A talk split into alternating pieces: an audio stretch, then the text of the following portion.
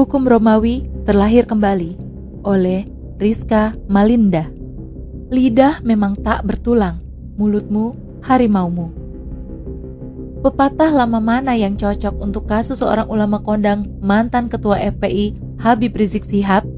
Setelah sebelumnya berbagai kasus diada-adakan untuk menjebak ulama tersohor bergelar Habib tersebut.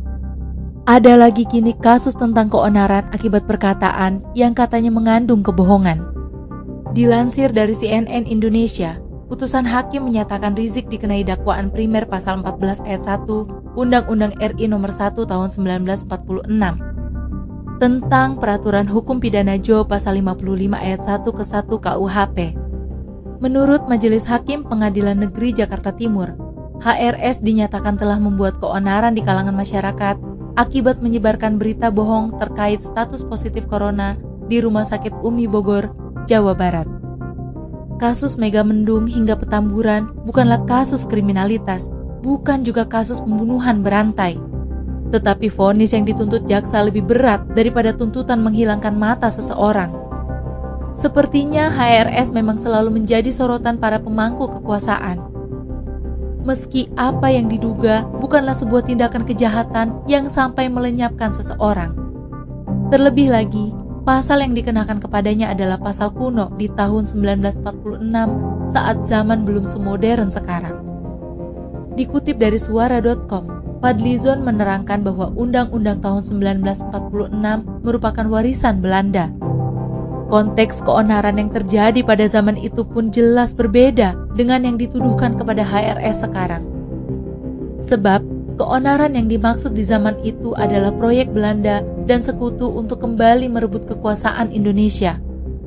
Senada dengan itu, Ketua Umum Masyarakat Hukum Kesehatan Indonesia, Dr. Mahesa Pranadipa MH, menyatakan ketidaksetujuannya terhadap putusan jaksa. Kasus yang dituduhkan kepada HRS sebenarnya bukanlah sesuatu yang mengejutkan. Berbagai kasus yang dituduhkan kepada beliau hanyalah modus berkedok pasal pelanggaran. Jaksa penuntut umum pun terlihat memaksakan kecocokan antara keonaran yang terjadi di tahun 1946 dengan yang dituduhkan kepada HRS. Padahal, yang dimaksudkan keonaran oleh jaksa juga belum jelas di mana dan kapan keonaran itu terjadi. Berapa kerugian yang diakibatkan oleh keonaran tersebut? Apakah sama total kerugian yang ditimbulkan dengan utang negara? Ataukah sama dengan kerugian negara akibat uang rakyat yang dimakan tikus berdasi? Ataukah sama dengan keonaran yang ditimbulkan oleh Pinangki Kasus-kasus hukum yang coba dipidanakan kepada beliau semakin lama semakin menguak kelemahan dan busuknya hukum buatan manusia. Hukum bisa dibeli untuk mempertahankan oligarki, untuk menjebloskan mereka yang tak disenangi, juga untuk menyeret mereka yang membahayakan posisi. Kita bisa melihat hukum sekarang ada bukan untuk melindungi, tetapi untuk memusuhi rakyat sendiri. Sepertinya kita kembali ke zaman peradaban Romawi kuno sebelum Islam datang. Dalam bukunya yang berjudul Apa Jadinya Dunia Tanpa Islam, Graham E. Fuller menjelaskan bahwa saat itu negara bergerak untuk mengendalikan semua penafsiran dan aliran pemikiran yang ada di kerajaan itu untuk menegakkan ortodoksi dan merumuskan pendapat-pendapat yang benar.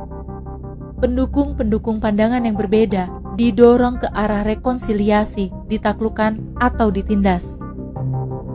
Selain itu, pemegang kendali gereja adalah para pejabat Romawi. Mereka membuat hukum sesuai dengan apa yang mereka kehendaki. Bahkan mereka tidak takut untuk mengubah isi kitab agar sesuai dengan kehendak untuk memuluskan nafsu kekuasaan mereka. Sama seperti sekarang, saat rakyat mulai menyatakan Mosi tidak percaya kepada pemerintah, saat rakyat mulai beralih meminta pertolongan kepada para ulama yang berpegang teguh kepada hukum Allah Subhanahu wa taala. Para penguasa akan mulai berulah dengan menyakiti ulama-ulama yang dicintai oleh rakyat. Penindasan seperti ini dilakukan berharap agar rakyat kemudian patuh terhadap hukum yang mereka buat.